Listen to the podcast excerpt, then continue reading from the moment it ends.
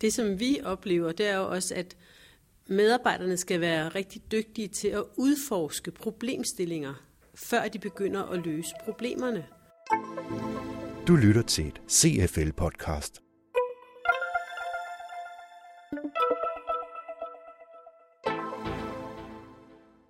Velkommen til Dilemma-debat fra CFL. I det her podcast skal det handle om kundeindsigt og serviceinnovation, som er det sjette tema, CFL behandler her i 2015. Administrerende direktør hos CFL, Vinke Strømsnes, fortæller, at det er et tema, flere gerne havde set behandlet fra årets start, fordi det er der, der er en akilleshæl i mange organisationer. Kundeindsigt og innovation ud i, hvordan vi bringer vores kompetence ud til kunderne.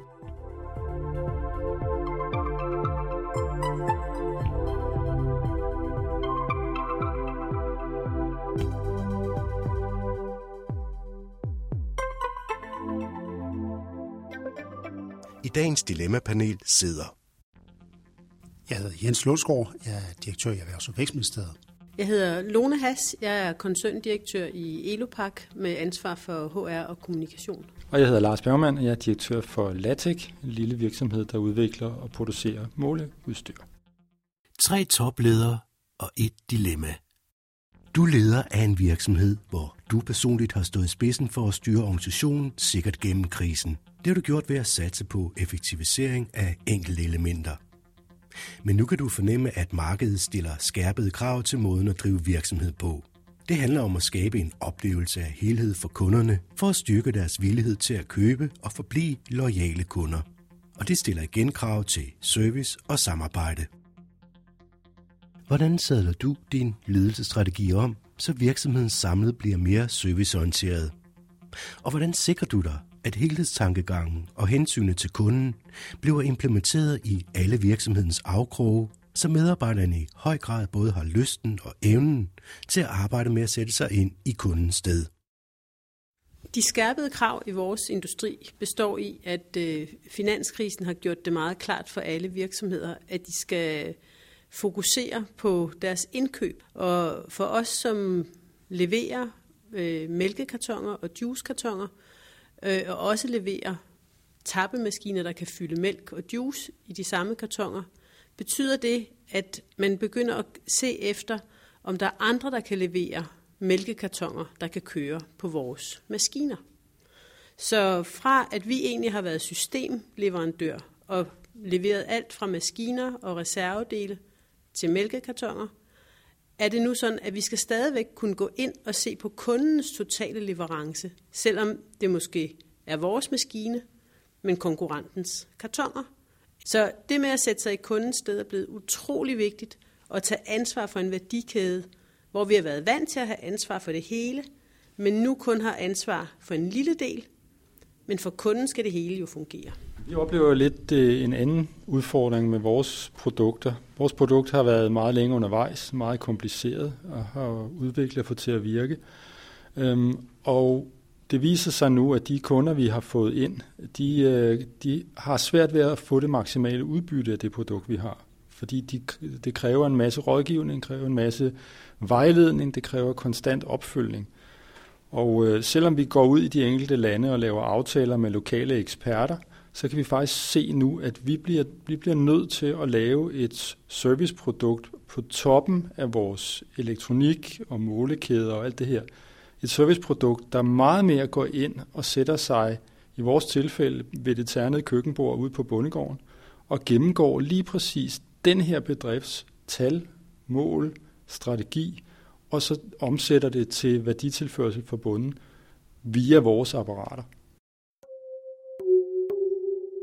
Du lytter til et CFL-podcast.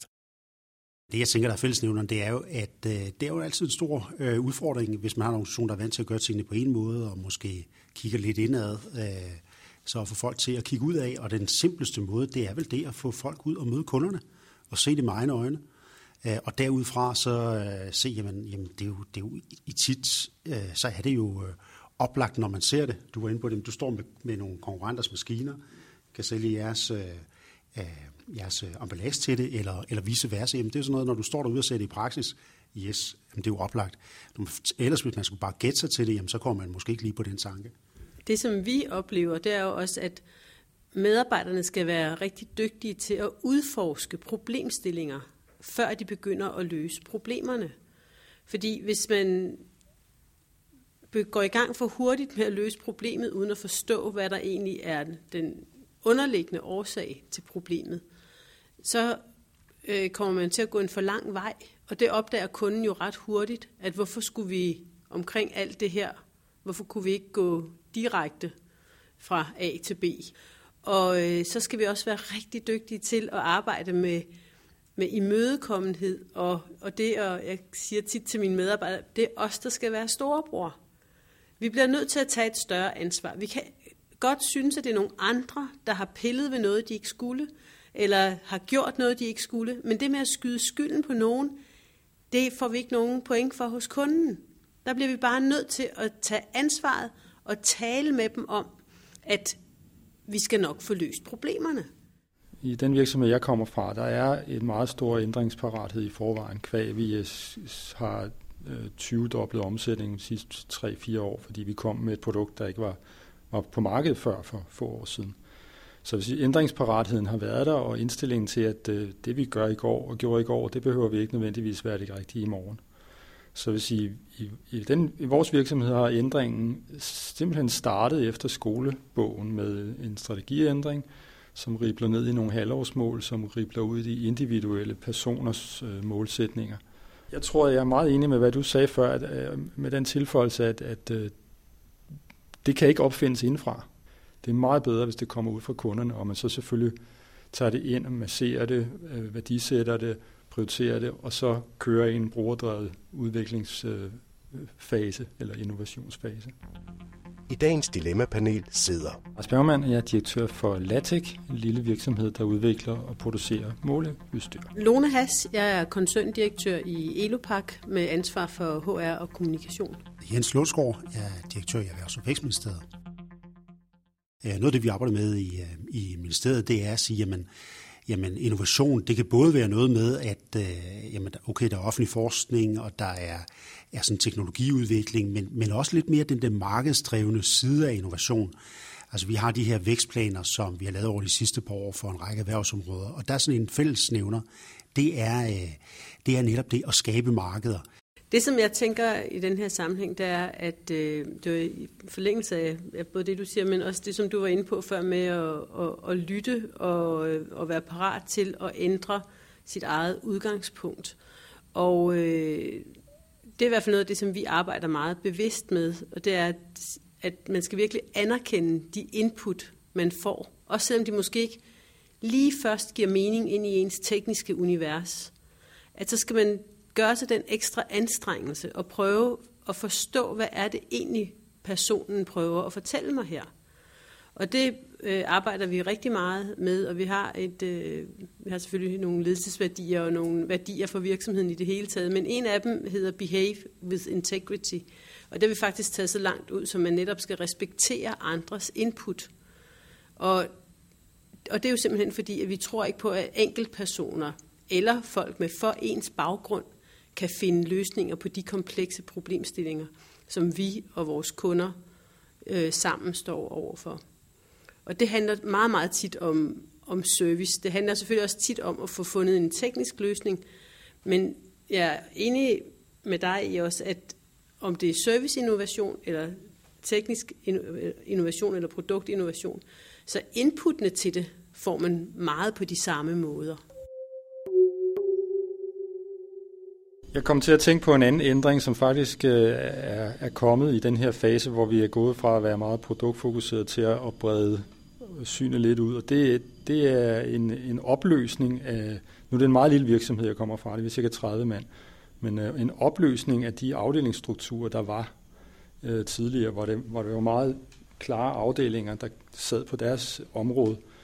Det har jeg fået opløst Mm, rimelig godt, så at vi, vi har en helt anden type innovativt miljø, hvor der sidder fire mennesker med vidt forskellige baggrund. Det kan være en softwareingeniør, det kan være en, en øh, dyrlæge, det kan være en uh, statistiker, som så sidder om bordet, og, og diskussionerne kører højt, og så kommer der nogle produktidéer ud, øh, serviceidéer ud, som man ikke lige havde set komme.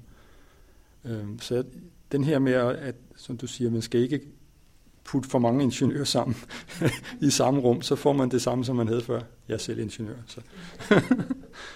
Jeg tror, at vi skal arbejde med at lade os inspirere af, at der faktisk ligger meget fælles viden tilgængelig, og at vi også er med til at gøre den videnspulje større, hvis vi bidrager til den. Og det tænker jeg i hvert fald som en, at vi som lidt mere traditionel industrivirksomhed skal lære at tænke yderligere i de baner for at lave rigtig god øh, serviceinnovation måske især, men sådan set også produktinnovation. Chefrådgiver i strategisk ledelse hos CFL, Ejner Jacobsen, har lyttet med på Dilemmaet. Han har netop præsenteret CFL's nyeste indikator om kundeindsigt og serviceinnovation, og han giver her sin perspektivering. Noget af det, vi har diskuteret, det er, at en række af de ting, som burde være indsatser for øh, ny øh, service og, og bedre produkter, nemlig øh, at man arbejder med at fjerne en fejlfindingskultur, og at man øh, bruger medarbejderne og, og viden på tværs af organisationer, det er faktisk ikke vokset, det er egentlig gået den anden vej. Og vores øh, hypotese på det område, det er, at, at øh, der måske har været krise så længe, at vi, er, ja, vi er så effektive, at det er effektivitet, der er i højsædet, og måske ikke så meget det at, at være innovative og, og udvikle ny forretning. Siger chefrådgiver Ejner Jacobsen og runder af med en positiv observation fra CFL's indikator. Medarbejderne er stadigvæk øh, en vigtig kilde til, øh, til nye produkter og nye idéer, så det er selvfølgelig vigtigt, at man har nogle medarbejdere, der kommer med nye idéer. Og det er også glædeligt, at øh, mange af de ting, der sker, de sker i samspil med kunder. Sagde altså chefrådgiver Ejner Jacobsen om kundeindsigt og serviceinnovation. Og inspiration udefra er et vigtigt værktøj, også i forhold til at løfte virksomhedernes strategiske arbejde, peger CFL's administrerende direktør Paul Blåbjerg på. Det er positivt. Kunderne har fået mere plads. De skal øh, være øverst på inspirationslisten. Det er de kommet. Men hvor er andre eksterne samarbejdspartnere og de skæve vinkler og input, der kan være med til at udvikle strategierne? Det er et stort spørgsmålstegn.